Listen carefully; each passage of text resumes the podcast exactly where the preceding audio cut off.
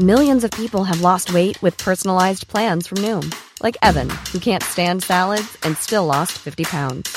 Salads, generally, for most people, are the easy button, right? For me, that wasn't an option. I never really was a salad guy. That's just not who I am. But Noom worked for me. Get your personalized plan today at Noom.com. Real Noom user compensated to provide their story. In four weeks, the typical Noom user can expect to lose one to two pounds per week. Individual results may vary. Hej innebandy Sverige! Välkomna till det här avsnittet. Gästen den här gången är Hannes Öhman, innebandylegenden från Åland, Finland, som har spelat i eh, Balrog, Falun och Storvreta. Han är försäljnings och marknadschef i Storvreta IBK, en av världens största innebandyklubbar som driver den största ungdomsturneringen och som nyligen inte blev godkända av licensnämnden. Vi pratar innebandy, hans innebandykarriär och vilka saker han vill förbättra och förändra i svensk innebandy. Nu tycker jag vi kastar oss in i det här heta avsnittet med Hannes Öhman. Nu kör vi!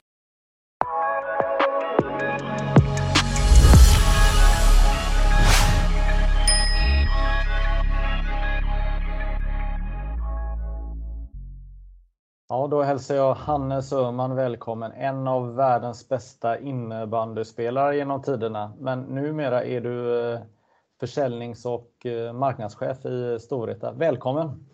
Tack så mycket! Tack! Ja, eh, jag vet inte riktigt var vi ska börja, men vi, vi ska prata om din karriär. Vi ska prata om eh, väldigt mycket här, men eh, vi kanske ska börja med elefanten i, i rummet här direkt här. Storvreta fick, blev inte godkända av licensnämnden. Vad, hur mår Storvreta IBK? Jo, men vi mår väl efter omständigheterna eh, helt okej. Okay. Det är klart att det, det, har varit tuffa år med två stycken inställda Storvreta-cuper som är ändå en viktig del för vår verksamhet. Så att eh, vi hoppades och trodde in i det sista att vi skulle kunna arrangera det men eh, cirka en vecka innan den skulle gå av stapeln så, så sa smittskydd Uppsala nej till att arrangera. Så att, eh, det var bara att ställa in.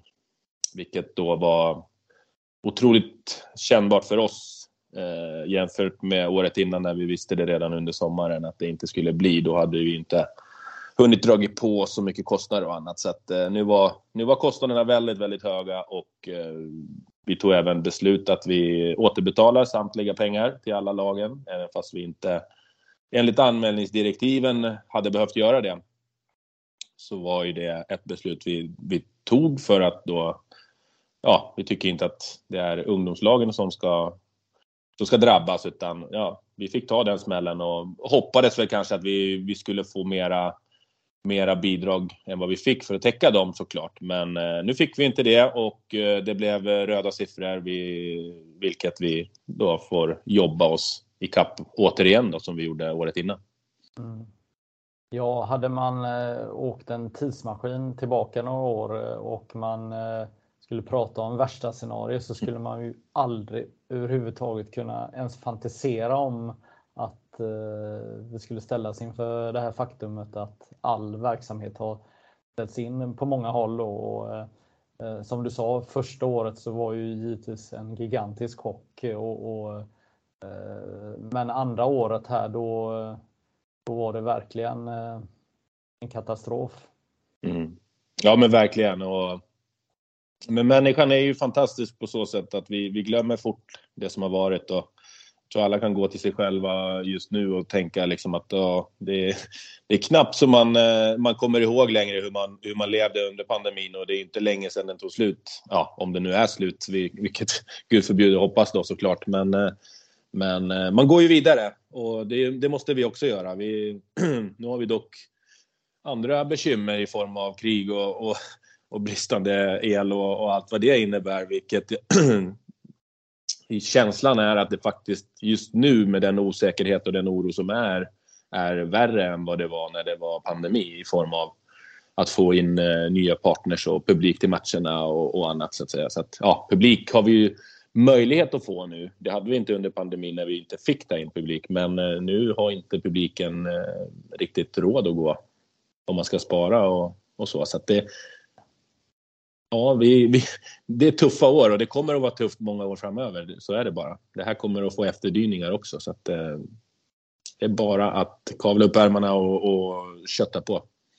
Ja, eh, den här starten på det här avsnittet är ju, är ju lite tung får man ju mm. säga. Men eh, det är ju faktiskt väldigt viktigt tycker jag samtidigt att, att prata om de den faktiska verkligheten. Jag menar, eh, Eh, per Gessle sjunger om tuffa tider och det, det, det, är ju verkligen det. Jag själv har ju skrivit kröniker om, om det, där man eh, får rapporter om att det är tufft att få ihop spelare. Det är tufft att få eh, att behålla sina ledare. Och, och, för er som då driver en elitverksamhet, precis som du beskriver här nu då. Det är ju gigantiska utmaningar. Kan du berätta lite vad, vad är det som är, är, är de, de stora problemen? Att ta, få publiken till, till, till matcherna är en faktor. Vad, vad är det mer som är och varför är det som det är tänker du? Nej, men alltså det är ju såklart att det är tufft att få eh, nya partners att gå in. Eh, du behöver ha en produkt som, som håller över tid såklart, men, men företagen, vi har företag som vill, de verkligen vill, men de kan inte. Eh, det är företag som kanske sitter mycket med, med kommunala ramavtal där eh, man eh, i dagsläget går, går back på jobben till, mot kommunen för att bränslepriserna är så höga. Man har vunnit en upphandling för ett par år sedan, men, men det håller liksom inte den prissättningen längre. Vi har elbolaget här i Uppland som köper in elen dyrare än vad de har eh, fasta kunder, fasta elavtal på. Eh, backar 4 miljoner i månaden just nu ungefär. Eh, så att det är ju liksom, och det är företag som verkligen, verkligen vill stötta idrotten men kan inte göra det. Och det är ju det, är det som är tufft. Sen finns det branscher som går bra och det är de vi måste rikta oss på. Men vi kan inte ha bara, bara den typen av verksamhet. Vi måste ju ha en bred kund, kund, kund alltså en, en bred kundstock eftersom eh, de vill ju göra affärer med varandra och, och kunna få nytta för sin, för sin satsning också. Och det, det går inte bara att ha bygg, byggare då eller, utan eh, vi behöver ju ha alla typer av verksamheter. Mm. Så det är en jättetuff utmaning just nu. Men, men det ska väl förhoppningsvis eh, blåsa över här bara vi får en regering och kan få lite beslut och få någonting att förhålla oss till. För det är ju det det räcker. Det räcker ju att ha någonting att förhålla oss till. Antingen vet vi att det kommer att kosta 20-30 000 för en villa med, på en månads elpris. Ja, men då vet jag det. Då kan jag förhålla mig till det, jag kan spara till det och jag har det och sen kan jag göra vad jag vill med det som blir över. När jag inte vet, då gör jag ju ingenting. Då sitter jag ju bara lugnt i båten och avvaktar. Så att, eh, det är lite det som är utmaningen just nu tycker jag. Ja, ja det är eh, det förväntas att alla behöver ha lite tålamod helt enkelt, eh, hela rörelsen. Eller?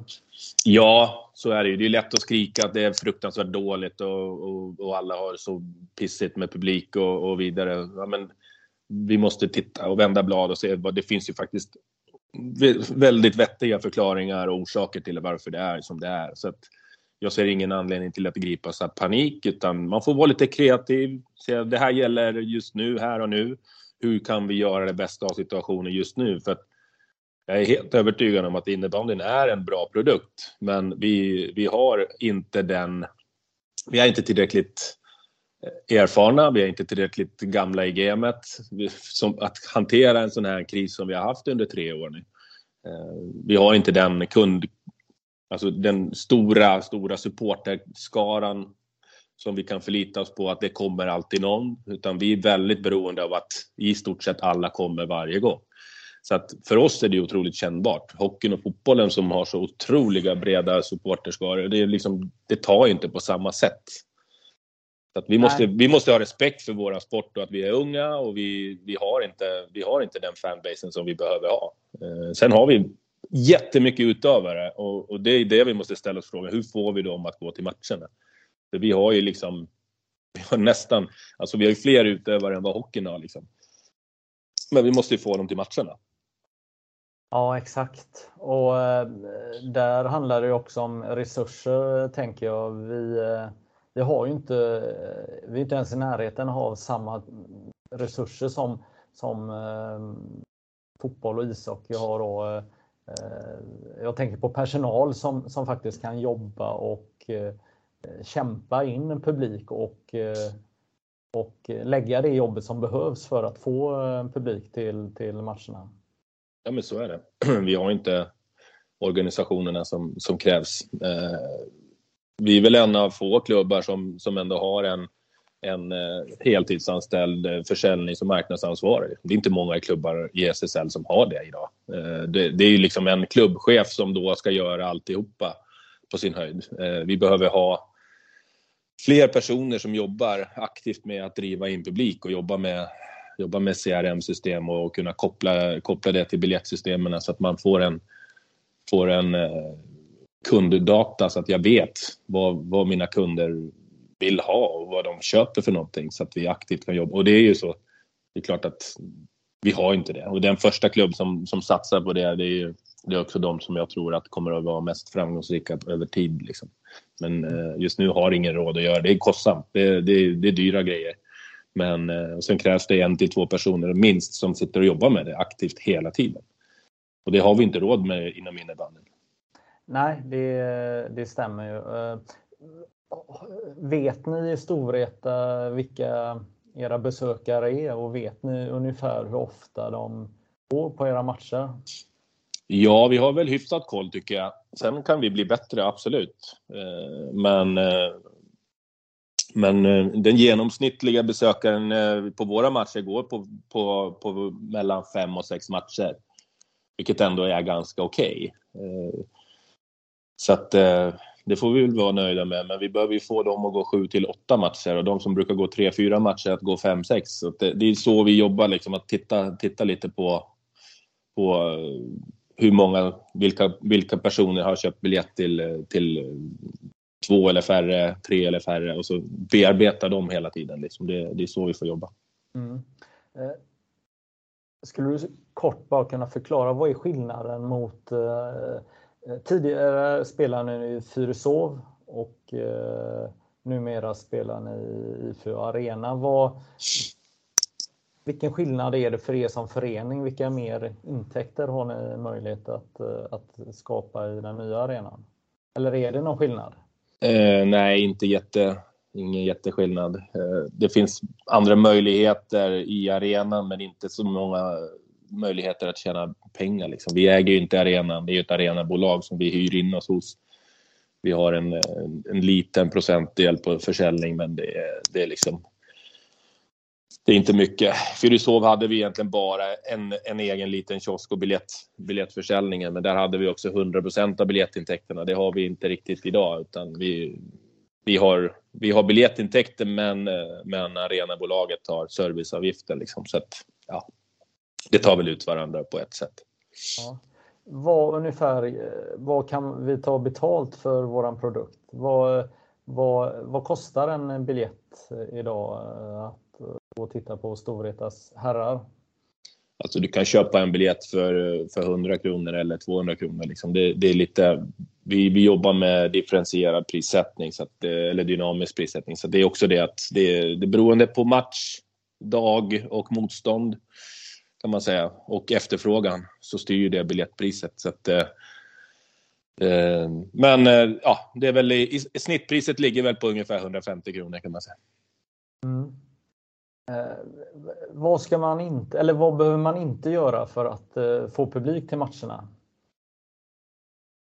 Vad behöver man inte göra? ja, ja, jag tror, jag tror, eh, jag tror inte att man eh, får jättemycket mera publik genom att eh, bara hylla någon gammal spelare eller ge diplom eller, eller en blom, blombukett eller något sånt. Vilket Borgström hävdade häromdagen att, att det, borde klubbarna göra mer av jag tror heller inte att, att inramningen med dukar och annat för att produktionen ska bli bättre får mer folk till, till arenan. Men ja, det är väl, det är väl liksom vi måste ju titta på varje enskild match för sig och vad det är för matchdag och vad är det för motstånd och vad är det för publik som kan vara intresserad av att titta på oss just den dagen och den tiden. Och är det en söndag klockan 16 så är ju det en fantastisk familjedag. Liksom. Det, är det fredag eller lördag kväll, ja men då är det en helt annan målgrupp vi behöver rikta in oss på. Utan att för den delen liksom glömma bort den, den kärnan av fans vi har. Eh, och, och har man inte koll på vilka mina kunder är som går på matcherna, ja, men då det, måste du börja där. Det är, alltså, det är ju det absolut viktigaste att göra en ordentlig publikundersökning så att du vet vad är det för människor som går på våra matcher? Och vilken målgrupp går inte på våra matcher så att jag kan liksom börja kanske attrahera en ny målgrupp? Nej, precis. Eh, man har ju hört eh, egentligen i 30 år eh, de här eh, amatörexperterna som eh, på något sätt inom innebandyn så, så så, så verkar det som att vi som älskar innebandy, att vi älskar i periodpauserna se någon stå och jonglera med, med olika saker eller dansuppvisning och sådana här saker. Men jag kan i alla fall säga att jag aldrig gått på en innebandymatch överhuvudtaget för att se någon pausunderhållning eller förvänta mig det. Eller om jag går på en hockeymatch eller fotbollsmatch så är jag faktiskt helt ointresserad av mm. vad det är för jippo i pauserna så, utan det är ju jag behöver ha en anledning varför jag ska gå på matchen.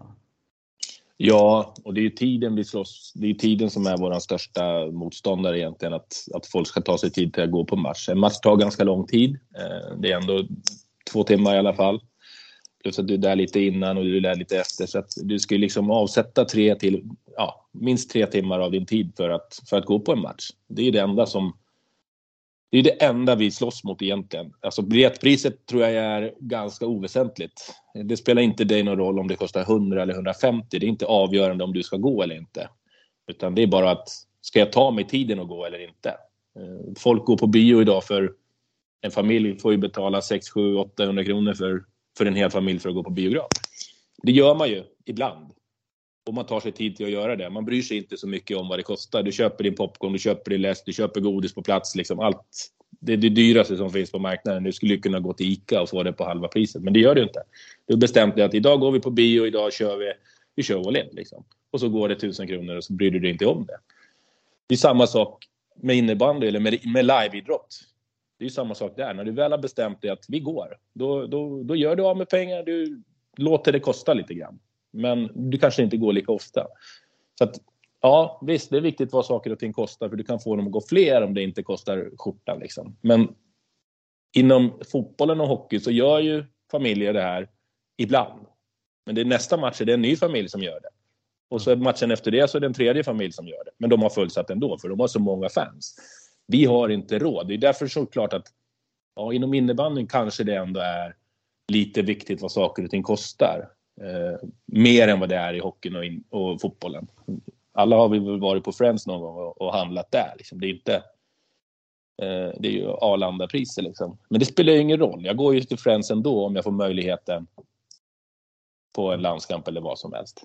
Så att vi har ju ett jätteproblem att vi inte har tillräckligt många supportrar som går på matcherna.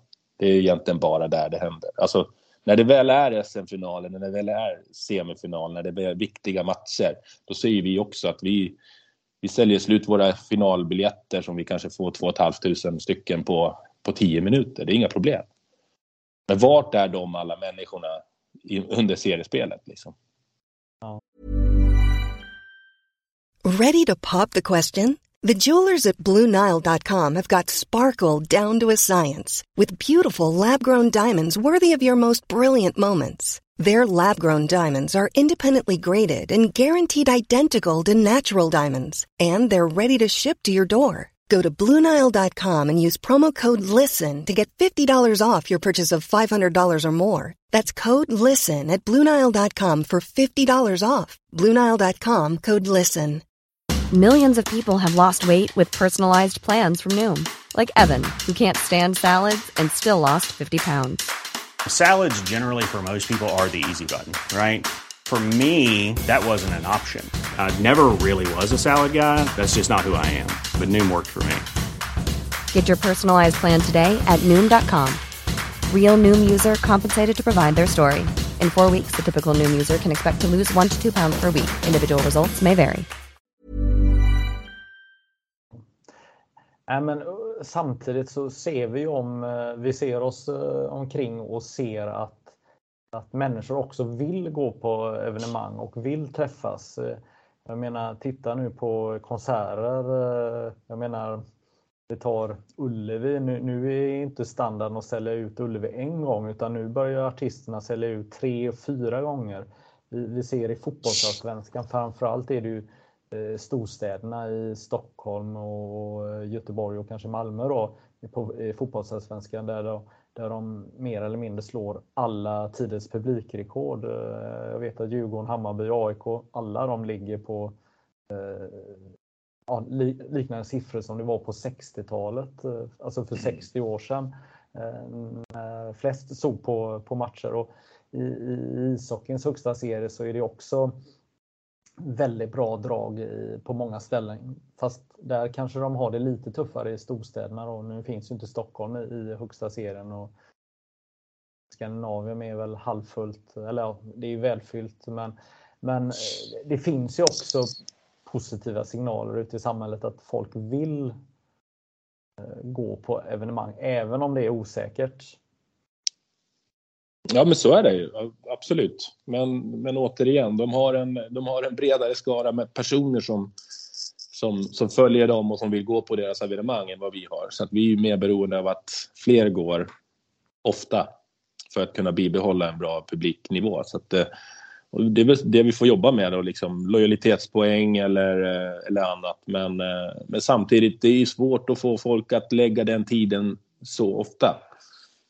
Jag, jag ser bara på mig själv liksom att ska jag, Ja, det, det, är otroligt svårt. Alltså det, ja. det, finns ingen, det finns ingen kod som man, eller, som man kan knäcka direkt och vet svaret på allting. Utan det är så otroligt individuellt och tidsstyrt. Och, jag menar, vi är beroende av allt möjligt. Vad händer? Är det Champions League-kväll eller är det, är det sportlov? Eller vad, vad är det? Liksom? Vi, vi är så otroligt sårbara för alla de här yttre omständigheterna jag tror att det, det, är nog det man måste förstå, att eh, innebandyn är en så pass liten sport ändå att vi, vi är så otroligt sårbara. Så fort det kommer någon, någon yttre omständighet som, som påverkar saker och ting så, så drabbar det oss mer än vad det drabbar de större sporterna såklart. Så att, eh, med det i åtanke så tror jag att man behöver vara lite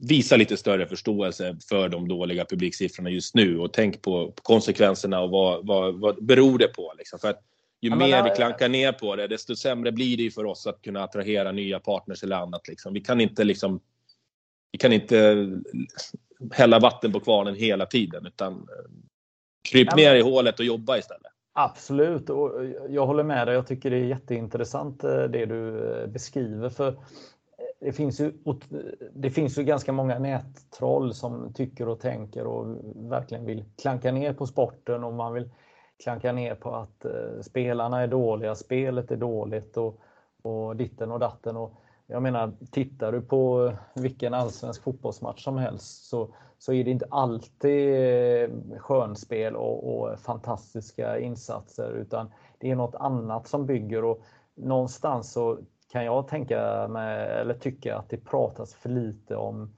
vilka är våra fans? Vilka är våra eh, potentiella, vad man nu ska kalla kunder eller besökare?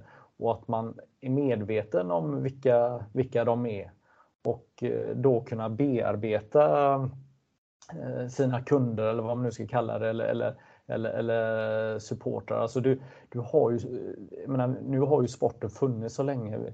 Vi har ju gamla spelare, vi har eh, nya spelare, vi, vi, har nya spelares eh, föräldrar. Vi, vi, har, vi har ju en, en, en, en bas av människor som skulle kunna tänka sig att, eh, att gå på matcherna. För jag menar, nu är vi 10, 20, 30 år in i de flesta innebandyklubbar och, och det är ju ganska många spelare eller personer som har spelat någon gång i föreningen som faktiskt har ett hjärta för den klubben man någon gång har spelat för och, och tycker om eh, sin sport. Men men som en jämförelse så, så, har jag ju några gånger studerat lite andra klubbar, exempelvis IFK Göteborg. Och det är så himla imponerande att se vilken organisation de har som jobbar för varje enskild match. Alltså man, man tar eh, man har en gameplan plan för eh, AIK, Hammarby, Djurgården, eh, Malmö FF och, och, och eh, kanske Elfsborg. Och så har man en helt annan ingång på Mjällby och Värnamo och, och, och sådana motståndare, hur man ska jobba och vilka man ska attrahera. Ibland så jobbar man med, med eh, supportrar som ska komma utifrån, alltså långt utifrån. De, man jobbar, sen kan man jobba med skolor, sen kan man jobba med de som faktiskt spelar fotboll. Alltså det, det, det finns ju så otroligt många sätt att, att, att hitta de här, den här publiken. För att jag tänker också, helt plötsligt sitter du på Friends Arena med, med en Sverigetröja och har köpt något föreningskit eh, till en fotbollslandskamp och du vet nästan inte hur det kom sig att du tackade ja till det här men du har fått en massa erbjudanden om att gå på match och, och, och där, det är väl där som är innebandyns uh, utmaning att, att uh, det blir en lång utläggning här men e-, eller hur, hur tänker du? Uh...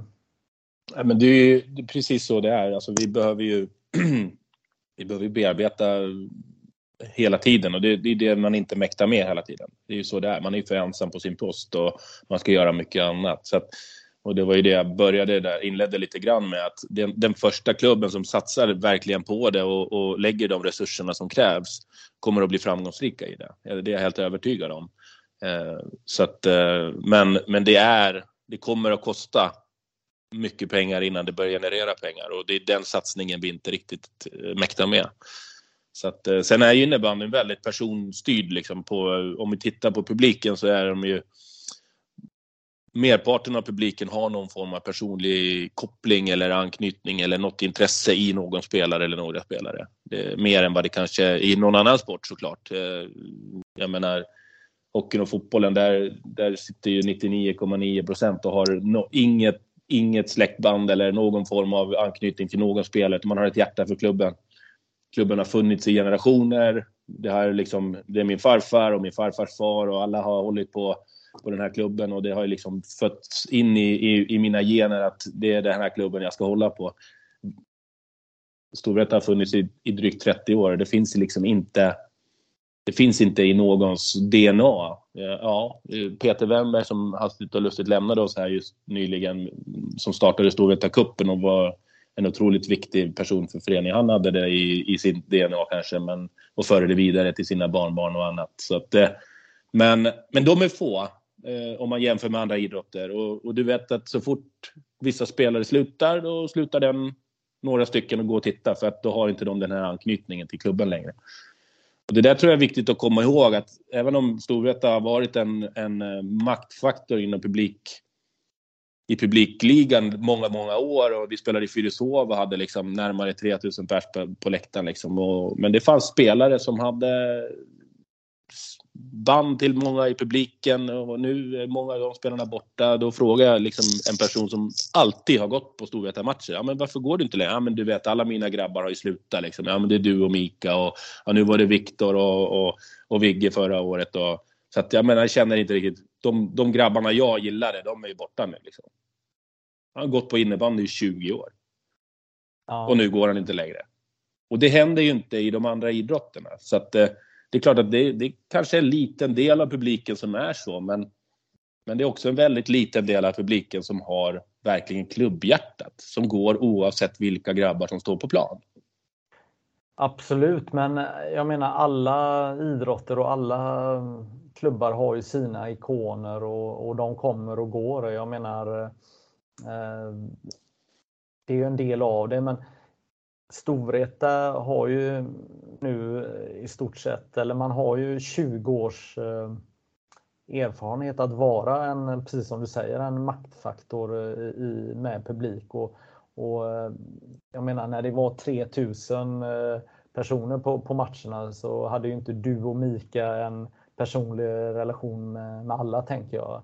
Eh, som var på matcherna. Nej, så är det absolut inte. Men det var personer som hade fattat tycke eller liksom var där på grund av någon. och när den personen sen slutar så tycker man inte att det är lika kul. Det är det jag menar. Man, har inte, man är inte där för att man älskar Storvreta kanske. Nej. Man är där för att man gillar att titta på, på vissa personer. Och när sen de personerna är borta av olika anledningar så, så tappar man intresset. Liksom. Och det är ja, det så, jag är lite ja, inne på. Så, så, är det och, och, och, och den, den jargongen hör jag ju ständigt även eh, i mitt närområde att, att man inte tycker att det är lika kul. Det var mer profiler förr och bla bla bla. Men någonstans så måste man kanske ersätta en karaktär med en annan karaktär. Är det så man också måste tänka i, i, i när man värvar spelare eller hur, hur, hur ska man tänka? Ja, det är väl bra att tänka så såklart att vi, vi vill ju ha spelare som, som drar publik på ett eller annat sätt såklart. Eh, sen blir det inte blir det inte alltid så, eller alltid bra. Men jag, jag säger bara liksom att vi, vi har inte återigen den breda supporterskaran som, som brinner för vårt varumärke, för våran klubb. Utan det är lite för mycket personstyrt att, att det ska vara liksom Ja, man ska ha ett lag som är roligt att titta på eller spelare som är roliga att titta på eller, eller dylikt så att säga. Och när vi inte har det och när man tappar de personerna så återigen, vi är sårbara för alla yttre omständigheter som kommer in. Liksom. Och, och, det är det vi måste förstå att vi har inte, varje klubb har inte flera hundratusen fans Nej. som går på matcherna någon gång. Vilket, vilket IFK Göteborg har eller AIK eller Djurgården eller ja, mm. Färjestad och eller vad som helst. Så att, vi måste ha respekt för det och jag tror att det är bara det. Det är bara egentligen att inse att vi behöver, vi behöver ha respekt för att vår sport inte är större, äldre än vad den är. Och sluta hålla på och, som jag sa, att, alltså börja hålla på och hälla vatten på kvarnen hela tiden när det är någonting som är dåligt. Får ju inte saker och ting att bli bättre. Nej. Nej Utan så, vi, vi får ju bara en, en, längre och längre uppförsbacke att jobba oss mot. Så att, eh, jag säger bara liksom inse att vi, vi är en härlig snabb och rolig sport. Men man måste inse att ja, vi kanske inte är så stora som vi tror. Vi har många utövare, absolut. Men det är ungefär det vi har just nu. Och sen en, en annan sak är ju att vi, eh, vi är också väldigt fokuserade på, på oss själva. Så, så, att det betyder ju, vad menar jag med det? Jo, eh, motståndare, alltså vi, vi eh, våran publik känner ju inte till lagen man möter eh, eftersom det är en ganska medioker eh, bevakning av vår idrott, alltså ur ett eh, större perspektiv så, så vet man någonting så är det ju någonting oftast bara om, om sitt egna lag. Så att man, man blir inte sådär nyfiken på eh, motståndarna och, och, man oavsett om det är en landskamp eller om, om det är eh, en vanlig seriematch. Okej, okay, det finns ju undantag. Eh, några landslagsspelare sticker ut, men det är ändå eh, jag tänker att många i publiken är ganska okunniga på eh, motståndarna. Ja, det, så är det nog. Så det tror jag. Och det är ju, vi skulle ju må bra av att ha lite bättre mediaspridning på, på andra, andra plattformar än vad just nu syns vi bara på en, en ensam och det blir väldigt isolerat och smalt. Eh, vi skulle ju behöva sprida oss mer såklart. Ja, vi vet ju inte riktigt hur många det är som, som följer eh, våra eh, matcher och, och sändningar. Nej, och det är ju alldeles för få såklart, även om, um, även om den uh, siffran stiger lite grann hela tiden. Men men det, det, genererar ju varken, varken pengar in till klubbarna eller, eller spridning av sporten i dagsläget. Sen ska man ju inte klanka ner på Expressen. De gör ju vad de kan och de gör det bättre och bättre hela tiden. Men, men vi behöver synas på fler ställen, absolut. Ja. Eh, vi, eh, jag tänker ju också, det genererar ju inte så mycket pengar eh, och, och det är ju också någonting som alla klubbar behöver. Och, ja, nu minns jag inte exakt vad den klubben som fick mest pengar eh, från alla de här avtalen och eh, centralt. Det var ju inte ens 200 000 som som, eh, som delas ut till det laget som Ja, jag tror att det var vi och, vi och Kalmarsund som fick mest där runt 180 kanske. Det var någonstans där, 190. Ja. Och det är ju, ja, nej det är klart att det är otroligt dåligt. Alltså det är klart vi skulle behöva mycket, mycket mer. Uh, vi, och det, jag vet inte, vi kanske ska sända det i egen regi liksom. Låta möjligheten åtminstone att göra det. Jag vet inte. Vi... Men för att någon ska förstå här, vad, vad är det för pengar exempelvis ni skulle kunna uppnå, eh, tror du, om ni hade haft eh, om ni ja. hade själva? Mellan tummen och pekfingret. Eller har du något exempel eh, på, på någonting som är mätbart? Ja, alltså vi, vi hade en semifinal mot, mot uh, Falun för, uh, när, ja, var det sista året i Fyrishov, Det måste vara en sju år sedan kanske. Uh, där vi där vi sände. Och det, vi hade en produktionskostnad på mellan 10 och 15 000 tror jag, för att producera matchen med filmare och, och kommentatorer och annat. Men vi fick in ungefär 150 000 på tittare. Eh, så att eh, när vi sålde matchen, då tror jag vi tog ja, vi har tagit 89 eller 79 kronor per tittare eller något sånt om jag inte minns helt fel. Men, men summa summarum var ju att vi hade, vi hade 150 000 intäkter på, på webbsändningen och vi hade lite drygt ja, runt 200 000 kanske på, på biljettintäkterna för det var ju fullsatt, det var ju semifinal. Så det är klart att för oss ekonomiskt skulle det ju vara bättre att driva det själva. Inget snack om saken Eh, överhuvudtaget. Så att, eh, det vet vi ju liksom vad, vad webbsändningar innebär. Vi webbsänder alla innebandymatcher under Storvretakuppen till exempel. Eh, visst, det är inte närheten av lika många tittare men det, däremot så är det ju 2200 matcher.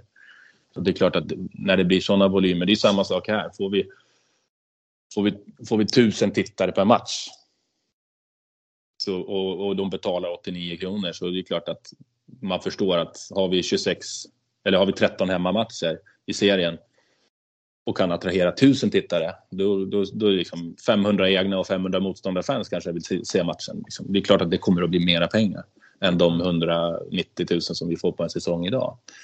Eh, om det är bra för sporten att driva det själva kvalitetsmässigt vet jag inte. Det beror ju på.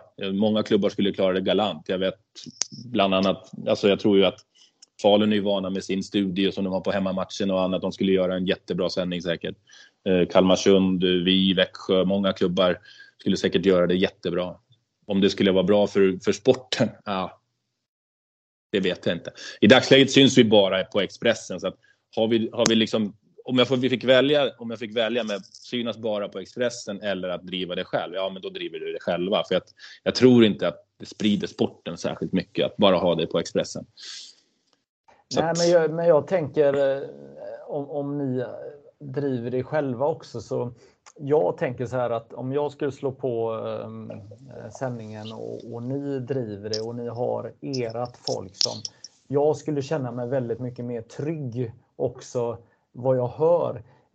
Jag kanske inte tycker att, att, att det alltid är det viktigaste vad jag hör, men, men jag skulle känna mig trygg för att jag vet att eh, nu vet jag att, att många som jobbar med de här sändningarna är skitduktiga och gör sitt bästa och med sina förutsättningar och man kanske inte får så mycket betalt, vilket betyder att man inte kan lägga ner hur mycket förarbete som möjligt. Det vill jag bara säga först.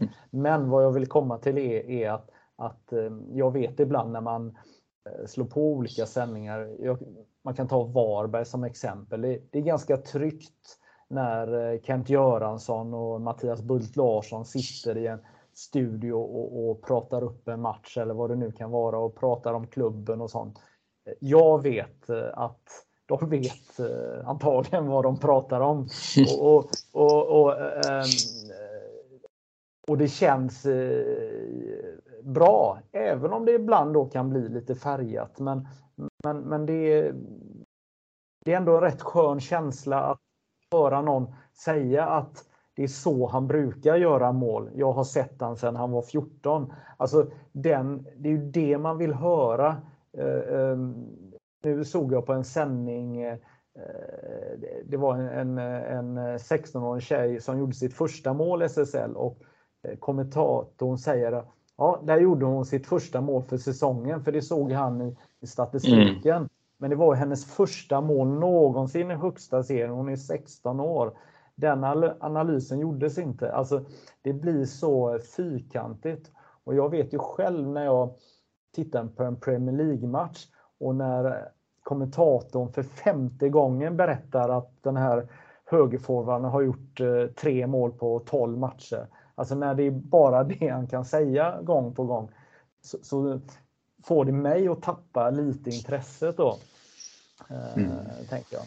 Ja. Eh, Ja, jag, jag, förstår och jag håller med till viss del. Sen, sen är det ju klart att det är svårt att attrahera fler tittare om man är alltför färgad och det blir. Det, det, det är så det skulle bli om, om klubbarna skötte i egen regi. Att det är klart att kommentatorerna inte skulle vara neutrala på något sätt. Men, men det kanske man får leva med då. Jag vet inte. Det, I don't know. Eh, eller så får man bli, får man väl försöka så gott man kan. Liksom. Ja. Nej, men alltså.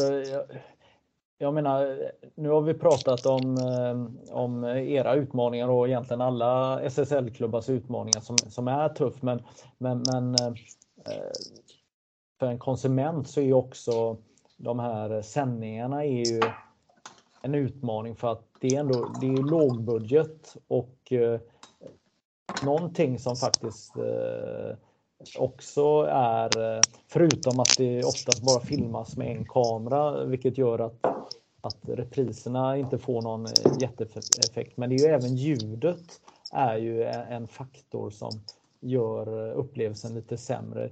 Det känns ju inte som att man är i arenan när, när matcherna webbsänds. Alltså det, det är ett burkigt ljud. Jag menar när, när det sänds matcher i fotboll och ishockey så, så har man ju mickat upp arenan och det känns ju som att man är på Old Trafford eller vad det nu är när man tittar på en sändning. Medan innebandysändningen så, så är det, det, det, det mickas ingenting av, av, man hör inte när det slår i sargerna eller, eller, eller, eller något sånt här annat. Så att, så att eh, själva sändningen kanske inte attraherar folk utanför våran eh, innebandybubbla som vi behöver. För det, tillsammans med dem som vi kan skapa mer intäkter, tänker jag. Mm. Nej, så, så är det mycket, mycket väl att det kan vara så. Eh, absolut. Mm. Vad, ehm, eh, nummer 14 spelade du med. Vad kom det sig att det blev nummer 14 för dig? Oj. Ja du, det var Ja, det, det, var väl någon gammal tjeckisk hockeyspelare på, på 70-talet där som, som min pappa var väldigt förtjust i som, som på något sätt fastnade för mig också. Jag undrar vad fasken var Nu kommer jag inte ens ihåg vad han heter. Eller, men, men det har levt med mig sedan jag var liten, liten knot liksom. Så att, eh, ja, det här ska jag ju egentligen kunna, men nu är det ju åtta år sedan jag la av. Så att, eh, allt sånt har ju lite fallit i, i glömska. Sen, sen var det ju flera personer, flera idrottsprofiler som, som spelade med 14 som jag, liksom, som jag föll, föll för liksom, under, under resans gång också. Liksom. Ja. Så att, eh, nej, så, så blev det bara helt enkelt. Tråkigt svar när jag inte har riktigt hela, hela fakta, faktakollen. Men, men eh, det är min pappa helt klart som är involverad i, i valet av numret någon gång i, när jag var 6-7 år kanske. Ja, men vi, vi kan ju båda konstatera att det är det bästa numret att ha på sin eh, rygg och, och bröst. ja, det, ja, men det blev lite synonymt för mig. Liksom. Det, det, är klart att jag gillade, gillade det numret och fick ha det under hela min karriär. Det var aldrig någon konflikt någonstans där jag inte kunde ha det, vilket var, man kan vara tacksam för när man är ung och kommer in i ett lag, liksom att det är ledigt eller så. Du eh du är, ju, eh, du är ju finsk eh, medborgare. Du är ju från Åland. Åland som eh, en liten ö mellan Sverige och Finland där man eh, pratar svenska. Jag eh, tycker ju att det är jättespännande. Men du kanske har någon liten nyhet också att berätta eller? Gällande medborgarskap? Ja, alltså det är nyhet och nyhet. Ja. Ja, ja, jo precis. Ja, men jag har ju ansökt om svenskt medborgarskap eh, efter mycket om och men här. Eh, jag har bott i Sverige sedan 98 så att jag har bott längre, längre tid i Sverige än, eh, än, i, än på Åland. min fru tycker ju att det är otroligt märkligt att jag inte är svensk medborgare för det första, vilket man har svårt att förstå det, liksom. att, man, att man inte är medborgare. Men det, jag tror att merparten av de finnar som har flyttat till Sverige inte är, är medborgare i Sverige. Men det är en enkel förklaring. Vi, eh, vi ska åka utomlands nästa år och jag har inget giltigt pass. Så att, eh, för att kunna göra ett pass i Uppsala så måste jag vara svensk medborgare. Annars måste jag åka till finska ambassaden och, och det, det ställer till det. Liksom. Det är alltid något strul med det. Man kommer alltid på man kommer alltid på att man inte har ett giltigt pass alldeles för sent. Eh, det har hänt mig några gånger redan så att nu kände jag att nej, då kan jag i alla fall göra ett tillfälligt pass på Arlanda om det skulle skita sig riktigt rejält. Men då återigen måste jag vara svensk medborgare. Så att blanketten är ifylld och inskickad och jag har betalt avgiften för att så hoppas jag att jag blir godkänd då. Ja, hur, hur känns detta då? Ja, men det blir ju dubbel medborgarskap så jag tappar ju inte mitt finska i alla fall. Så det, känns, det känns väl helt okej. Okay. Jag får ju vara med och rösta i alla fall så kan jag, kanske jag kan vara med och påverka om fyra år när det är val igen. Ja, men det är lite skönt att ha en eh, anledning här att eh, det är praktiskt. ja, jo, men så är det väl. Så är det nog. Ja, eh, jag vet inte riktigt när det var första gången jag hörde talas om dig, men det var väl strax innan du eh, eh, hamnade i, Sverige och Balrog. Men du, du hann med tre säsonger i, i högsta finska ligan. Du gjorde 96 poäng eh, och 68 mål på 64 eh, matcher. Eh, och du spelade för Ålands Sportklubb som sen blev Ålandsbanken Sportklubb. Kan det stämma? Precis. Ja, Viking Ålands Sportklubb hette, hette ja. vi då. Liksom, hade Viking Line passande nog som, som huvudpartner. Liksom. Och sen vart det Ålandsbanken som köpte namnet och sponsrade oss så att säga. Så att det, det, var egentligen bara kommersiella, kommersiella orsaker till, till namnbytet så att säga. Ja, men i innebandyns början här då på det glada 90-talet så, så, lyckades då eh, ni vara så otroligt eh, duktiga så att ni kunde ha ett lag i högsta finska eh, ligan. Mm, ja, precis. Eh, men vi var, ju, vi var ju ett gäng, ett kompisgäng som fastnade för innebandyn och åkte mycket över till Sverige och kollade. Var ju, följde ju Balrog väldigt, väldigt hårt, liksom, både via text-tv på den tiden. så man fick eh, ratta in där och se resultaten. Men även så visades det ju en del på sporten faktiskt på den tiden. Ganska mycket faktiskt. Det var ju minst en gång i veckan så var det ett inslag. Eh, men vi åkte ju ofta över till Eriksdalshallen och kollade matcher när vi hade möjlighet. Så, att, eh, så att, eh, vi tog ju mycket influenser därifrån och, och blev någon form av en blandning mellan finsk och svensk innebandy liksom, som, var, som tog oss hela vägen upp till högsta serien. Ja, jag som bor på andra sidan Sverige har ju inte riktigt den kopplingen med Stockholm, Åland. Berätta, hur lång tid tar det att åka Eh, nej men för, för ålänningar så är det ju anpassat så att du ska kunna åka på morgonen och sen åka tillbaks på kvällen. Eh, så att ja, eh, färjan går sju på morgonen, finns tid, du är framme vid Kapellskär 8.30. Du är i Stockholm vid 10 och så kan du vara där hela dagen och sen går, går färjan tillbaks klockan 8 på kvällen. Så att du, får, du kan ju vara en hel dag liksom där. Så det är väldigt, väldigt anpassat så.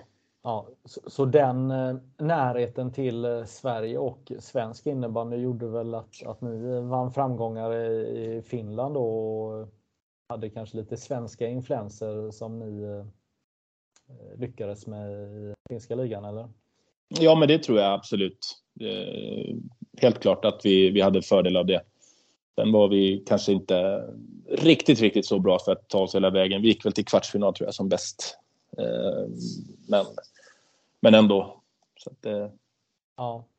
Nej, men det var ju härliga tider det du beskriver, för det var ju verkligen så att alla vi som spelade innebandy på den tiden, vi, vi längtade till Sportspegeln, för då kom det oftast ett, ett, ett inslag. Och framförallt var det väl det här VM-året 95-96 när man eh, satsade på innebandy stenhårt, att man, man besökte i stort sett alla arenor i hela, hela Sverige och då var det ganska många lag. Och, ja, det, det, var ju välproducerade inslag också så att eh, som man spelade in. Jag vet inte om, om, om eh, om, om ni gjorde det, men eh, det gjorde eh, både jag och Martin som sen drev innebandymagasinet. Vi upptäckte det efteråt att vi var på samma sätt. Man satt och spelade in de här och sen satt man och tittade på de här två minuters klippen om och om igen. Och framförallt de här olika straffarna som då ibland visades mm. skulle man ju testa på träningar och sånt där. Jag minns Jens Norman hade väl någon straff när han gick och backade. Ja, det var lite olika sådana här. Eh, men det, ja, det måste ju varit fantastiskt för er också då att kunna ta del av det, för ni har ju svensk tv på Åland såklart. Ja, ja visst. Nej, men det är ju, ja, jag vet inte om jag spelade in direkt, men, eh, men man kollade ju såklart och tog, tog, ju, tog ju efter. Mm, ja. så, så, är det. Ja, och eh, Balrog eh, hade ju också eh, eh, märk, eller upptäckt dig och ville att du skulle flytta till Sverige och spela från. Ja, det var ju så var det och vi hade väl en diskussion redan vid 97 tror jag det var. Eh, men då kände jag inte riktigt att det var läge. Eh, så att eh, 98 tog jag klivet sen och flyttade över till, till Botkyrka. Och ja, det var ju en resa i sig. Botkyrka på den tiden, 98, var ju, var ju ingen, ingen jätteglamorös plats att leva och bo i. Liksom det, det var ju bara ett stenkast ifrån eh, från Fittja där, där var Fittja-kommissionen fortfarande höll till och hade, hade väldigt mycket aktiviteter och, och annat. Så att det, det var ju, jag tror jag det tog en vecka så hade jag hade min mammas bil med mig till Sverige och lånat den och så var den stulen efter en vecka och veckan efter så hade grannen, eh, grannen mitt emot mig i trapphuset så stormade piketstyrkan dörren och, och plockade någon knarklangare där och bilar som brann varje fredag och, och sådär. Så, så det, det, det, var ju, det var ju lite kontraster till det lilla trygga Åland kan man ju lugnt säga. Ja, hur, hur märktes det i laget? För att en del kommer ju fortfarande från eh, de, de här hoodsen, eller? Ja, ja, men så är det ju. Och det är ju klart att eh, Brottman och Hellström och Ronny Bertilsson och Peter Lundin och, och grabbarna som, som var uppvux, uppväxta i, i Botkyrka, det, det, var ju, de hade ju skinn på näsan om man säger så. Det var ju, ja, det, det var inte så mycket som, som bekom dem direkt utan det, men jag tror också någonstans att det var det var en läroperiod för mig också att, att eh, stå på egna ben. Liksom. Att man, man flyttade hemifrån första gången och flyttar kanske till en av de ja, stökigaste platserna i Sverige i alla fall. Som det var då under den tiden. Så att, eh, men det, ja, man fick man fick växa upp fort och man fick klara sig själv och, och man fick liksom eh, lära sig att inte blotta sig eh, utan man, man fick liksom hålla, hålla en liten fasad måste man ju ändå göra där. Liksom. Att visa att man är tuffare än vad man kanske är. Jag vet inte. Det, men någonstans så byggde det ju karaktären på spelarna i laget och, och hur man var som det var ju tävling deluxe liksom. Det var inga, var inga fingrar emellan någonstans utan det var det smälldes på ordentligt och så att, eh, kommer ihåg en träning, vi hade en, en norrlänning på besök eh, som skulle försöka spela sig in i laget och, och Johan Rönnqvist kom och gjorde någon snurrfint och han proppade han rätt upp och ner mitt på mitt plan och man trodde liksom att nu kommer ju grabbarna att flyga på den här killen då som var ny men eh, det var ju, man hyllade ju honom liksom att det där var ju det man ville se liksom att det spelar ingen roll vem som kom emot dig utan du ska ju spela hårt och tufft och, och tävla. Så att, äh, det var häftigt. Mm. Um, jag har berättat det här förut för dig i efterhand, men för en väldigt massa år sedan så gjorde jag en lång intervju med dig och eh, som påverkar mig väldigt mycket. Jag har ju jobbat med innebandy i jättemånga år och jag har ju även varit journalist eh, inom fotboll och eh, varit chefredaktör på fotbollstidning och, så. Men eh, din story gällande din, din bror kommer jag aldrig glömma. Och, eh, den var ju väldigt eh, tuff eh, att ta del av eh, och som berättar lite av ditt skal som du hade under många år. Ja, alltså jag, jag gick ju verkligen, alltså blev ju, blev ju någon form av tyckte väldigt mycket synd om mig säkert. Alltså det var väl anledningen till att jag, jag inte släppte in någon på livet efter det där. Utan det, jag tyckte liksom att jag hade varit med om världens värsta händelse. Liksom. Och vem är du som ska komma och tro att du kan bli kompis med mig hur som helst? Liksom. Det fanns inte på världskartan. Och det är ju klart att så här i efterhand, det tog väl kanske tills jag var ja, sena 20, början, nej, runt 30 kanske jag var innan jag liksom upp, det liksom gick upp för mig. Liksom. Jag kan inte hålla på så här. Vad håller jag på med? Liksom? Det är liksom, jag stöter bort varenda en och jag beter mig som en idiot. Jag bara bryr mig bara om dem jag gillar. Liksom. Eh, ingen annan hade en chans. Liksom. Och det, det är klart att det är ett beteende som jag inte är stolt över. Eh, men eh, samtidigt, det var, det var väl mitt sätt att bearbeta det som hände. Jag tog ju det väldigt personligt och väldigt hårt. Att jag var, anklagade ju mig själv för det som hände såklart i mina, I mina ögon så hade han aldrig satt sig i bilen och försökt hämta mig om inte jag hade ringt honom på natten och sagt att jag ville följa med. För att göra en lång historia kort så Eh, skulle han åka och hoppa bungyjump på Gärdet med en kompis. Jag var på sommarstugan med, med två kompisar och sa att Nej, men jag, jag stannar där, liksom. jag, jag följer inte med. Men sen på natten ångrar jag mig och ringer, ringer honom. Och eh, ja, säger att jag vill följa med och han sätter sig i bilen tillsammans med sin polare som då har druckit och, och ska hämta mig på morgonen. Varpå de då kör av vägen och, och han omkommer. Så att det tog ju, det tog ju hårt liksom. Jag kände hur, gammal, att, hur gammal eh, var din brorsa då? Han var 21 och jag var 15.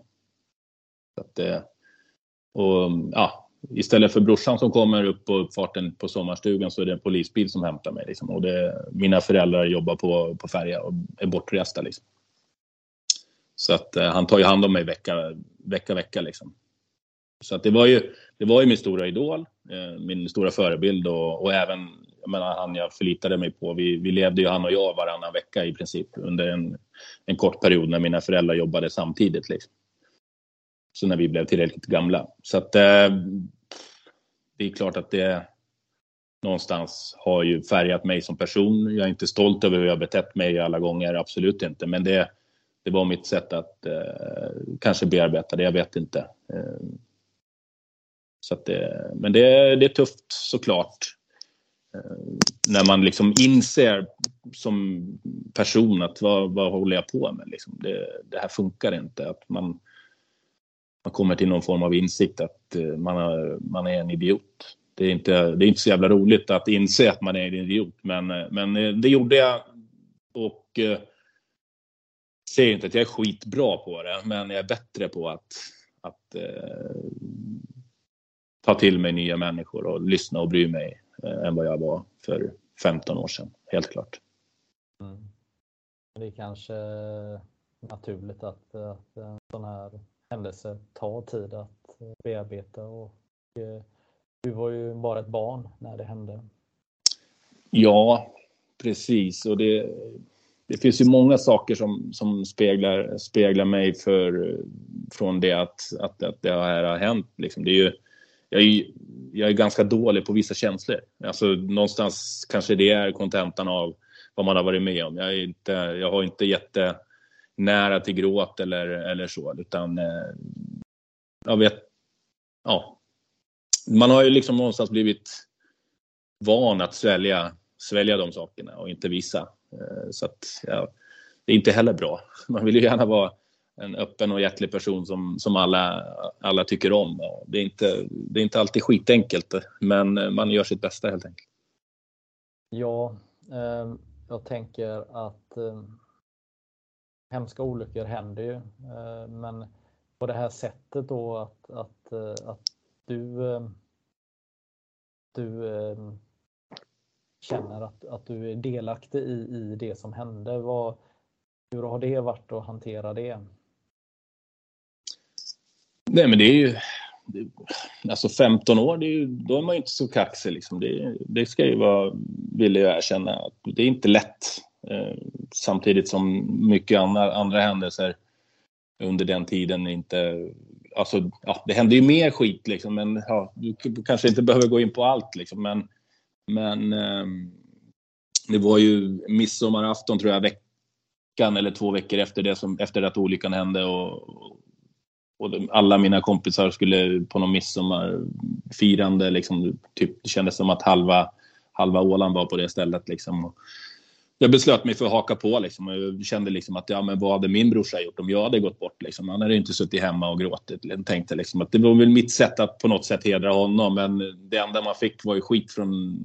Alltså barn är inte så, var inte så smidiga alla gånger. Så att, var ju mycket snack om hur fan jag kunde vara där och jag borde vara hemma. Och det var ju liksom man bara fick ännu mera skit när man egentligen bara ville komma bort och, och kanske på något sätt umgås med sina vänner och, och och ha en trevlig stund. Liksom. För det var, inte, det var inte så att man hade haft jätteroligt fram från olyckan fram till det datumet ändå. Så, att, eh, nej, så det var väl mycket sådana saker som tar hårt liksom, när man är ung. Eh, det tar tid att läka de, de såren. Liksom. Barn eller ungdomar kan ju vara otroligt elaka och det, det märkte man ju av. Så att, eh, det, men samtidigt har jag aldrig varit den som har tyckt synd om mig direkt heller utan det får man ju bara liksom jobba vidare.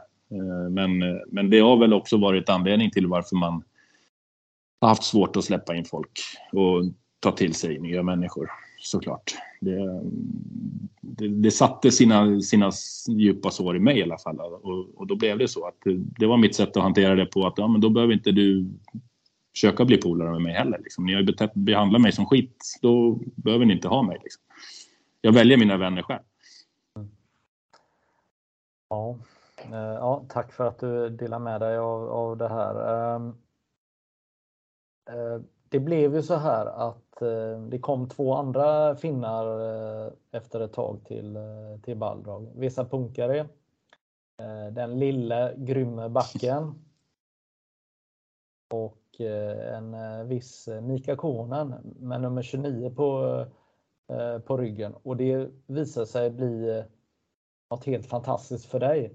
Eh, visste du om att, eh, att eh, matchningen med Mika Konen skulle bli så otroligt bra som den blev? Nej, det, det, visste jag väl inte.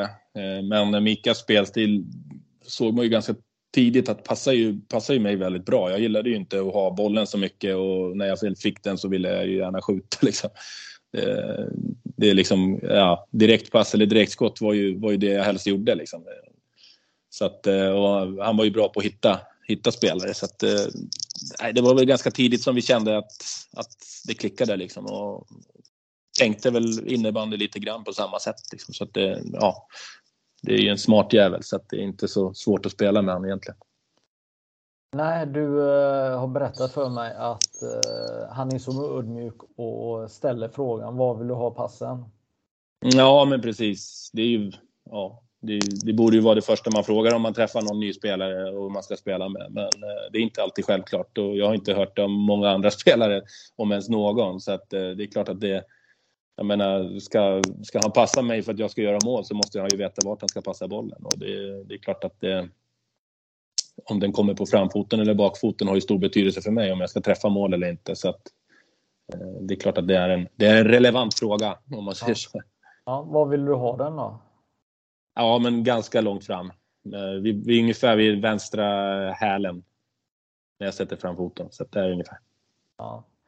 Ehm, den första säsongen då ehm, i eh, SSL, där, eh, eller ja, det hette inte SSL, det hette ju Elitserien då på den tiden, men med Mika i laget och Vesa bland annat. och den var ju ganska speciell, många orsaker. Det, en orsak var ju faktiskt också att det var första säsongen som det var effektiv speltid. Så eh, om man jämför statistik eh, med eh, innan och efter så, så ska man också ha med den faktorn att, att det var ju säsongen när man införde effektiv speltid i, i SSL då.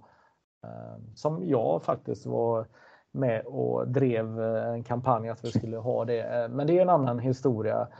Men den säsongen var ju väldigt, väldigt speciell för jag vet, jag har pratat med Bruno Lundberg som var eran tränare där att, att det började ju inte så himla bra. Det, det skulle spelas på mycket folk och eh, det skulle spelas in väldigt mycket nytt folk. Men ett par omgångar in så såg det inte så bra ut, eller? Nej, verkligen inte. Det var väl... Eh, vi hade väl förlorat mot Haninge tror jag på hemmaplan. Jag tror att det blev 1-11 eller något sånt. Eh, Gustavsson och eh, gökkedjan där, Kronstrand, Östlund, Gustavsson hade lekstuga med oss fullständigt och vi liksom blir förnedrade. De drar ner brallorna på oss ordentligt. Så så var det väl lite krismöte där och, och, eh, och eh, styrelsefolk och lite andra betydelsefulla personer kommer in i omklädningsrummet och, och säger några välvalda där och visar bland annat var dörren är om man inte vill stämpla in och göra jobbet. Och sen var vi ju åtta personer tror jag som blev, blev tagna åt sidan där, där man förklarade att vi, vi nu kommer att gå på, på färre folk och ni, ni kommer att utgöra stommen och, och ska driva det här. Och, men också de så, vi som också var tvungna att, att ta det jobbet för att annars var, var så, så sagt dörren, dörren var där om man inte, om man inte stämplade in och gjorde, gjorde vad man var där att göra för. Så att, Hur det känns var... det? Nej, men det är klart att det kändes väl på ett sätt lite skrämmande, men samtidigt kändes det ju bra. Liksom. Man var ju där för att man visste att man var duktig och man ville ju spela mer och man ville ha förtroende och det tror jag alla där kände. Det var ju inte duvungar direkt, utan det var Hellström, Brottman, Peter Lundin, det var jag, Vesa, Mika. Eh, så att eh, det var ju spelare som ändå ville ju ha mer eh, såklart. Och nu fick vi ju mer, så att nu var det bara att, att börja lira liksom. Vilket, att, eh, vilka namn du nämner, vilket gäng, alltså, vilka, vilka karaktärer och vilken på ren svenska jävla målexplosion det blev då. Alltså det, det var ju helt sinnessjukt att, att följa er. Mika 11 poäng, 9 poäng, 7 poäng, 8 poäng. Mm. Och du eh, spelade med han och, och levererade också. Jag menar, han behövde ju ha någon som eh, jag menar, hans passningar behöver ju någon göra mål på och det hade du inget emot att göra. 77 poäng gör du då på 29 matcher. Det är vansinnigt bra. Ja, men vi, det blev ju någonstans eh, ett startskott såklart. Eh, vi låg sist efter, efter tio omgångar. Eh, jag tror att Mika kanske låg på 10 poäng på 10 omgångar. Jag, jag kanske var strax under eller ja, någonstans där också. Så att det är klart att de sista 20 matcherna där var ju, jag tror inte vi förlorade en match. Jag tror att vi vann alla. Eh, så att, eh, men det är någonstans när man får ett flyt, det är klart att alla vi som håller på med idrott, det finns ju liksom, när man kommer in i ett flow, man får ett flyt, liksom, man får poletten att ramla ner som man säger, liksom det, då är det enkelt. Det, det, det, är lite samma känsla vi hade i, i Storvreta under våran period 10, 11, 12 när vi, vi kände liksom att vi var ju oslagbara. Det, det, går liksom inte att slå oss. Visst, vi förlorade någon match här och där, men det var inte liksom det var ingen big deal. Liksom. Vi gick, ett av de där åren gick vi ju rent i slutspelet. Vi förlorade inte en match. Vi vann 3-0, 3-0 och sen vann vi finalen. Så att det är liksom... Ja. Det någonstans säger en hel del liksom att torskar inte en enda match i slutspelet. Det är klart att man, man känner sig rätt, rätt okej okay då. Mm. Jag eh, som har följt eh, hela din svenska karriär och eh, din landslagskarriär. Jag ser ju nästan att, att det är två delar i, i, i, din karriär. Du kanske ser det som tre också, dina år på, i Åland. Då, men, men det är ganska roligt också för övrigt att googla på dig och, och googlar man på dig så står det Hannes Öhman. Han har också spelat i Balrog, står det på en rad och sen står det ingenting mer. Och så sitter vi här och, och pratar hur mycket som helst om Balrog, men, men Balrogåren var ju oerhört viktiga för dig, eh, tänker jag, och eh, för din karriär. Och, och eh, det var ju helt fantastiska år. Eh, eh Mika levererade ju bollen väldigt snabbt till dig och du har ju ett otroligt eh, snabbt direktskott. Eh, eller var det ja, målen hade i alla fall. Nu ja. för länge. Nu tror jag, jag tror inte jag har det kvar. Nej, Nej men det är absolut. Och det är, jag, det är som sagt, det är det jag har tränat mest på under min karriär såklart. Det är ju mitt skott.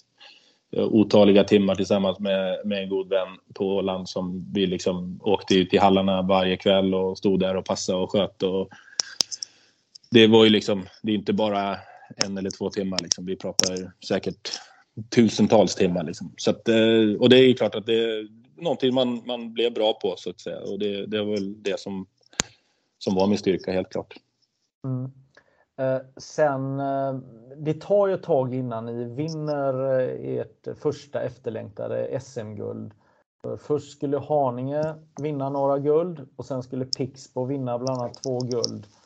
Eh, men sen äntligen 2004 så vinner ni eh, SM-guld eh, på Hovet mot AIK. En eh, sån där sjuk svängig SM-final där ni leder, AIK leder och sen i slutet kommer ni ikapp och sen avgör med 13 sekunder kvar. Jag tror det är Mika som slår någon pass till Adam Grane med 13 sekunder och han gör mål och Tony Andersson som är kommentator på TV4, TV3 som sänder matchen han är ju helt neutral när han skriker eh, och eh, refererar eh, slutsekunderna.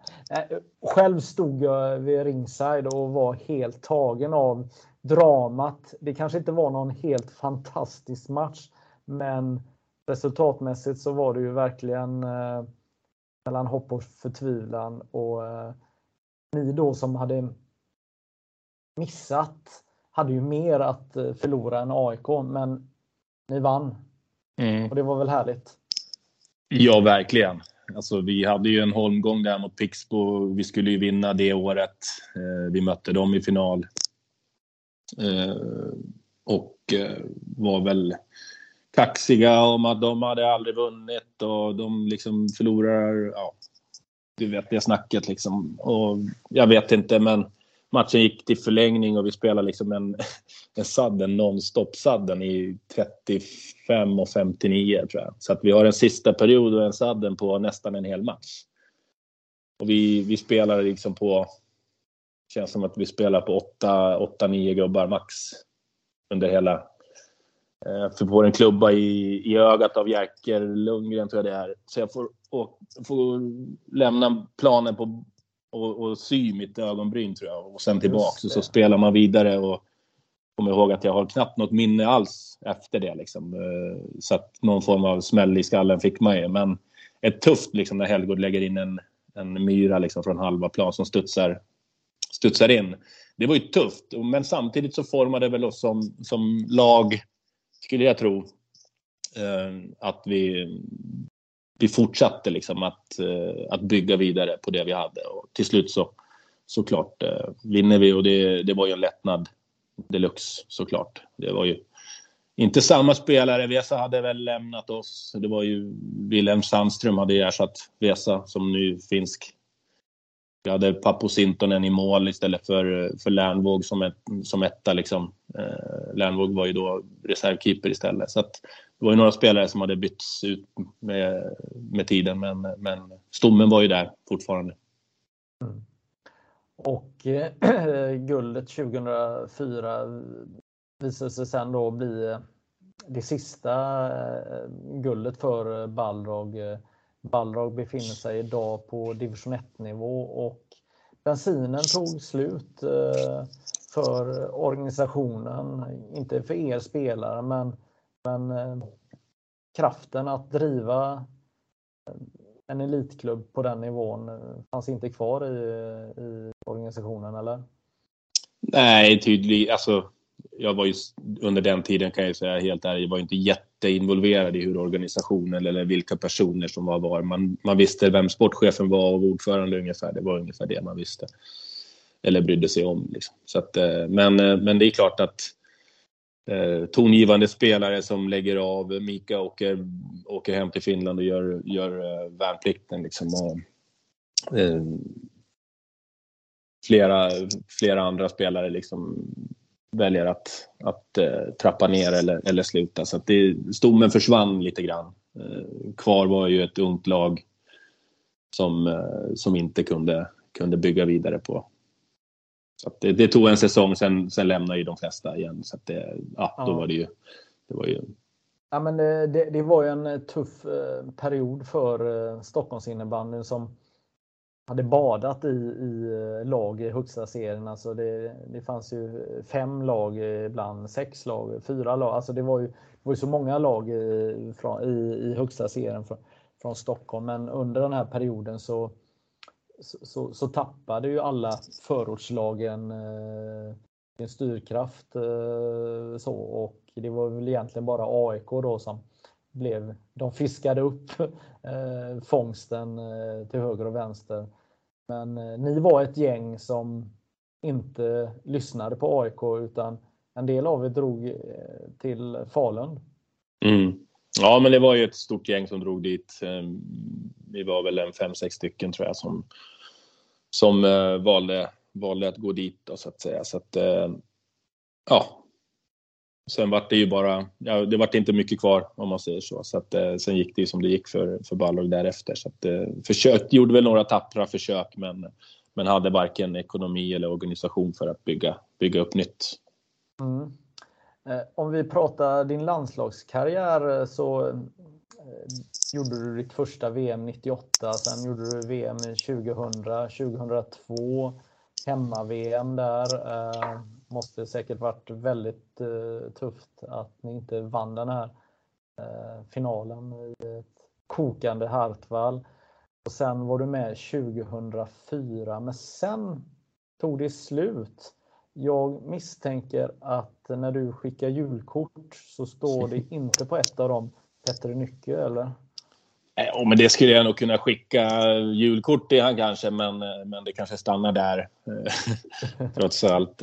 Nej, men alltså det är ju, det är ju en, det är en tränare som jag hyser all respekt för såklart. Han är duktig och har gjort, gjort mycket för finsk innebandy. Sen att vi inte delar, delar åsikt alla gånger, men det, det är inte många tränare som jag gör med. Så att, jag har haft mina duster med de flesta tränarna och det är väl, det, det är väl nyttigt i, i sig att, att tränare och spelare vet vad man har varandra och vad man tycker och tänker. Det är inte, jag är ingen som bara rättar mig in i ledet och håller käften utan eh, är nog rätt tydlig med vad jag tycker och tänker. Och det är ett sätt för mig att hantera, hantera också tränaren i sig för att jag menar, jag måste veta vad, vart, vart han står och vad han han menar i sina stunder och så behöver ju han veta hur jag reagerar och hur jag är. Så att det, det där är ett förhållningssätt.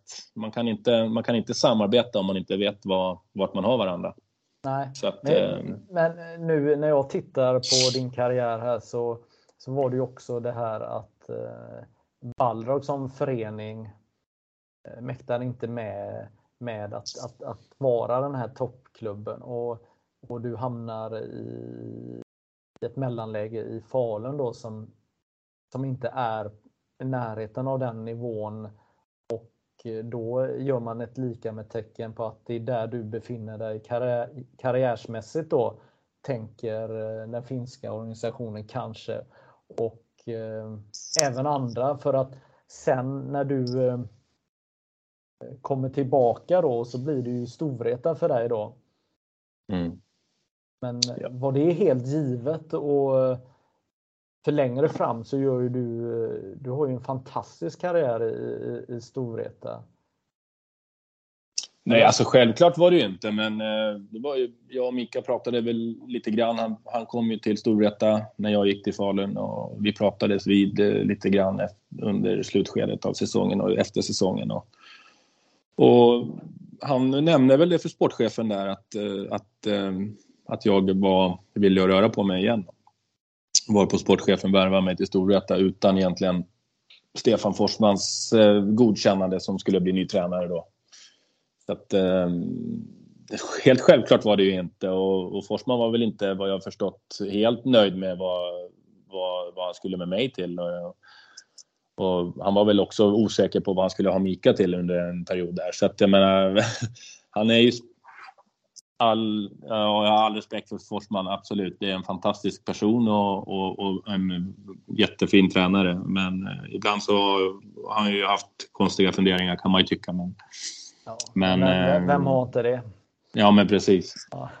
Nej, men han såg väl inte riktigt någon användning för varken Mika eller mig, som jag förstått det. Men, men äh, satte ihop oss i alla fall till slut och, och det, det visar ju sig att det, det var väl bra. Ja, Nej, men eh, precis. Om vi bara fortsätter med eh, landslagskarriären här då så var det ju hemma-VM eller eh, svensk VM 2006 och där fick du inte vara med och där vann ju inte Finland. Där kan jag tänka mig att, att ja, ja, där borde jag varit med. Då hade vi vunnit. Sen vinner ju Finland två raka guld och då kan man ju eh, tänkas eh, att, att, eh, att satsa på då Tere Titu som, som, som, som Petri eh, valde före dig eh, i landslaget att, att, när man vinner så har man ju kanske gjort rätt. Men samtidigt så 2011 och 2012 då har ju du eh, två fantastiska år, framförallt i, i finalerna. Jag menar 2011 så gör du fyra mål i SM-finalen. Ytterligare ett mål på straff. Och året efter 2012 så gör du eh, matchvinnande 4-3 målet och 5-3 målet. Ni tar det blir väl det andra guldet ni, ni tar där.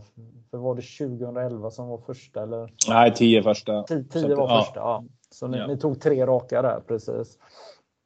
Eh, så att det var väl en härlig bekräftelse måste det varit för dig Eh, Eh, och att, att leverera när det som mest gäller?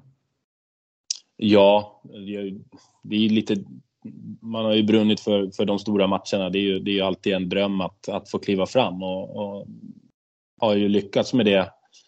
Eh, att, man, att man är klar mentalt, liksom, att, eh, att man är redo för, för uppgiften. Och det, det är ju det man, man ofta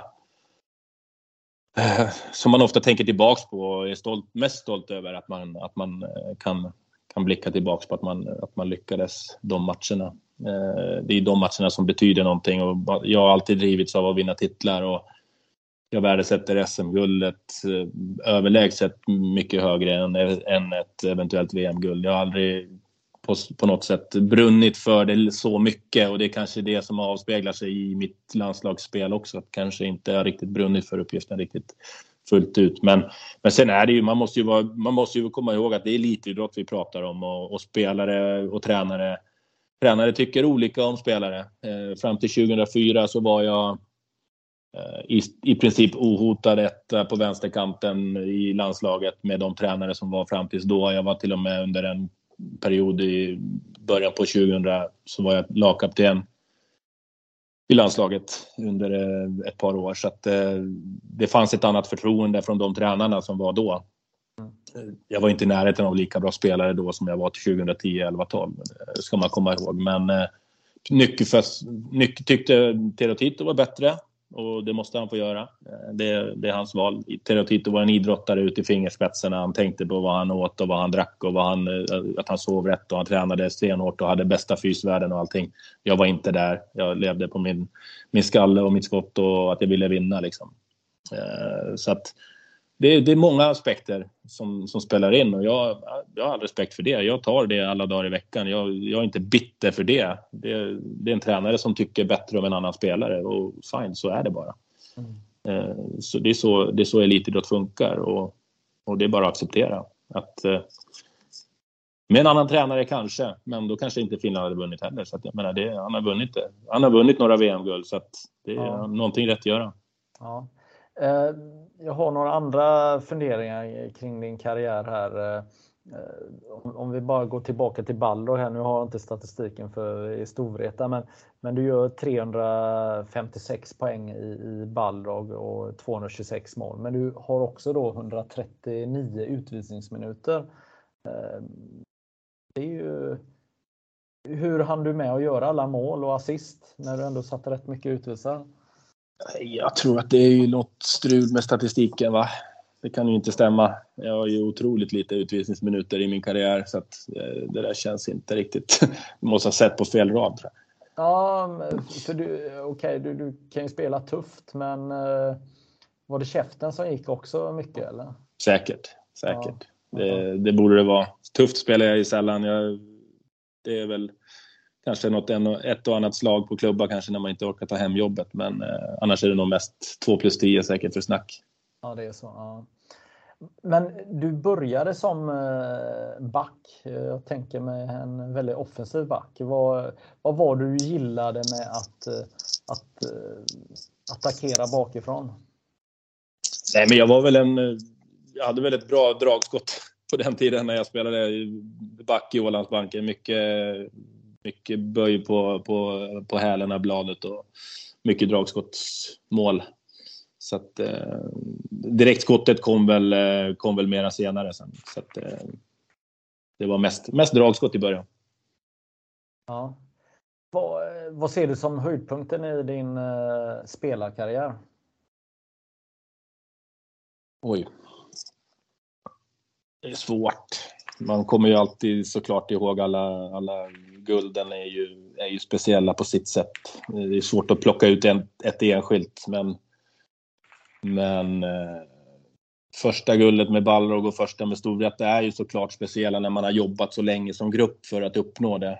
Eh, det var ju liknande situationer i båda lagen där vi, där vi i Balrog hade jobbat i i eh, fyra, fem år med, med samma grupp och, och likadant med, med Storvreta där. Så att eh, det är någonstans, eller med samma stomme i alla fall. Det är någonstans det som är eh, det är inte bara en resa över en säsong utan det är flera, flera säsonger sammansatt som, som är frukten av, av, eh, av det, det hårda jobbet egentligen. Så att, eh, de två skulle jag säga på, på, på sina speciella sätt är, är ju höjdpunkten helt klart. Mm. Eh, du eh, jobbade som säljare på Sharp eh, och gjorde det jättebra vad jag förstått. Men sen ville Storvreta ha dig på heltid och nu har du jobbat i sju år inom Storvretas organisation. Du var tränare också. Du var i båset i, i början också lite. Men nu ansvarar du för att Eh, dra in eh, cash till, till klubben. Ja, med tanke på minusresultatet så gör jag väl ett, gör jag väl ett dåligt jobb då, kan man tycka. Uh, men, uh, hur, kom det sig att, hur kom det sig att du, att du tog den här bollen? Nej, men jag har jobbat som säljare under min aktiva karriär, i princip under hela Storvreta-perioden. och kände väl att det inte är jättesexigt att sälja, sälja Sharp-produkter eh, som man inte bryr sig om utan det är väl roligare att sälja någonting som man brinner för. Så det var väl anledningen till egentligen att, att jag bytte eh, såklart. Eh, sen kan man ju såklart, det hade jag haft Ah, jag hade ju det jättebra på Sharp, det ska jag inte sticka under stol med. Det var ju en eh, stor organisation och ett bra jobb och, och, och, mycket, mycket kunder att jobba med och så vidare. Men eh, jag kände väl att jag ville göra någonting annat. Eh, jag hade väl varit där också i 7-8 år så det är väl där någonstans brytpunkten kommer när man känner att man kanske ska göra någonting annat.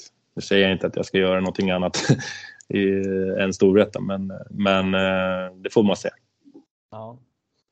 Uh, vad är ambitionen? Alltså, Storvretas olika ben som eh, för att dra in eh, pengar och, eh, och finnas, det är att ni, vilka är de olika benen som, som Storvreta har? Ni har Storvreta-cupen. Vad är det mer som ni gör som skapar intäkter? Ja, men det är ju dels är det ju vår elitverksamhet såklart. Där, där inkluderar vi då herr, dam och våra JAS, JAS-lag. Eh, det utgör vår elit. Sen har vi vår ungdomsverksamhet då, som är helt separerad från, från eliten. Eh, som har en, eget, en egen intäkt och en egen utgift så att säga. Så att vi, vi blandar inte eliten med ungdom för att då se att vi, hur, vi, hur vi får bäraktighet i föreningen så att säga. Men sen har vi alla våra andra samhällsengagemang som vi har då i form av våra lag med funktionsvariation, eh, våra örnar som vi kallar dem då vi har skolprojekt där vi besöker skolor i Uppland, eh, eller förskolor eller fritidsverksamheter. Eh, sen har vi seniorverksamhet. Vi är i uppstarten av att starta igång gå innebandy för seniorer eh, så att vi kan attrahera den målgruppen på ett eller annat sätt. Jag menar, vi Vi har idag väldigt många pensionärer som, som säsongskortsinnehavare men även som ideellt arbetande i arrangemangsgruppen som vi har. Så att det är en målgrupp vi verkligen behöver, behöver ha. Eh, så att, eh, sen har vi ju, är vi ute i världen och försöker sprida våran, våran klubb och våran sport. Vi har ett samarbete med Singapore. Eh, vi kommer att ha Storvreta-cupen Singapore här inom kort i nästa, nästa år. Eh, vi har, hade Storvreta ett, eh, ett läger i, i somras i, i Singapore där vi hade en delegation som åkte över och, och höll ett läger. Så att, eh, det är mycket saker vi gör för att liksom kunna attrahera flera olika branscher och, och företag såklart. Eh, jag tänker Storvreta-cupen, vad, vad är ambitionerna med turneringen som, som kommer i, i vinter? Ambitionen är ju att få genomföra den till det först och främst. Det är ju otroligt viktigt. Sen, sen tittar vi hela tiden på hur vi kan göra kuppen bättre. Det finns ju otaliga undersökningar. Destination Uppsala jobbar vi väldigt tajt med som också då är de som drar in eh, arrangemang och, och även stöttar arrangemang i Uppsala för att få hit turister och, och människor att, att vara i Uppsala. Så att eh, de gör ju undersökningar eh, eller beställer undersökningar från, från publik och spelare där vi får mycket underlag för hur, vad, vad, hur upplever lagen och publiken våra arrangemang och våra våran kupp och så vidare. Så det, det, är ett ständigt, ständigt arbete med att förbättra och förändra. Och, ja, det, det är... Eh, varje kupp är unik på sitt sätt. Nu, mm. nu fick vi ett tråkigt besked här för en vecka sedan med Peter Wennberg som startade kuppen för 29 år sedan. Att han gick hastigt och lustigt bort här nu. Så att, eh, han har ju varit en viktig del i, i organisationen såklart. Så att det är ett jätte, jättetufft avbräck för oss. Ja, det klart. Prata med eh, folk som är engagerade och driver Gothia Cup fotboll och de pratade om att de nådde upp ungefär till 93 av sin tidigare kapacitet eh, på den senaste turneringen som de arrangerade i somras. Och de kanske hade lite fler lokala lag än vanligt men, men de lyckades ganska bra. Vad, vad är era ambitioner med eller vad, vad, vad hamnar ni, tror du, ungefär? Alltså för oss är det svårt att sätta en, en siffra. Eh, vi vet inte för år för år, vilka skolor har vi tillgängliga? Vilka klassrum får vi använda? Vilka skolmatsalar får vi använda? Det, det, det bestäms varje år för sig. Så att vi kan inte säga så här, ja, men vårt optimala antal är 650 lag eller 750, för det beror precis på hur många klassrum har vi i respektive skola. Detta gör ju det såklart än mer svårt att göra någon form av kalkyl eller budget eller, eller resonera i liksom vart, vart sätter vi taket? När sätter vi stopp på anmälningarna? Eh, så att, eh, för oss handlar det om att, att fylla, fylla skolklasserna. När de är fulla, då, då stoppar vi. För att det kostar mer att öppna upp en ny skola än vad, än vad det, vi får intäkter i att kunna ta in fler anmälda lag planer och, och, spelplaner och hallar finns det i Uppsala så att vi, vi skulle kunna bli vi skulle kunna vara tusen lag. Eh, men, men det är inte målsättningen för vi kommer inte kunna ha boende till allihopa. Så det är det som är problemet. Så att jag skulle tro att mellan runt 600-650 kanske är där vi kommer att landa, att det är en idealisk siffra för oss. Eh, vi har inte de ambitionerna längre att vi behöver vara 1000 lag. Vi har varit som mest 800 nästan 850 var vi för två, tre år sedan. Så att, eh, och det är fantastiskt men, men det är inte ekonomiskt och, och eh, även organisatoriskt och utförandemässigt så är det kanske bättre att vi är 650. För att då det blir bättre kvalitet på allt det vi gör och vi får det mer, ja, vi kan smalna ner det lite till att vara på färre platser kanske. Ja. Eh, jag tänker att vi är på upploppet här i vårt samtal här.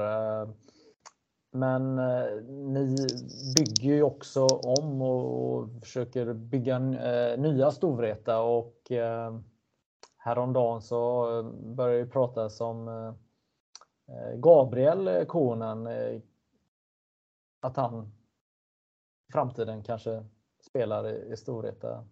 Hur ser du på det? Nej, men det är ju en fantastisk talang och duktig spelare. Ehm, det ska bli kul att följa honom i år, hans sista år på RIG.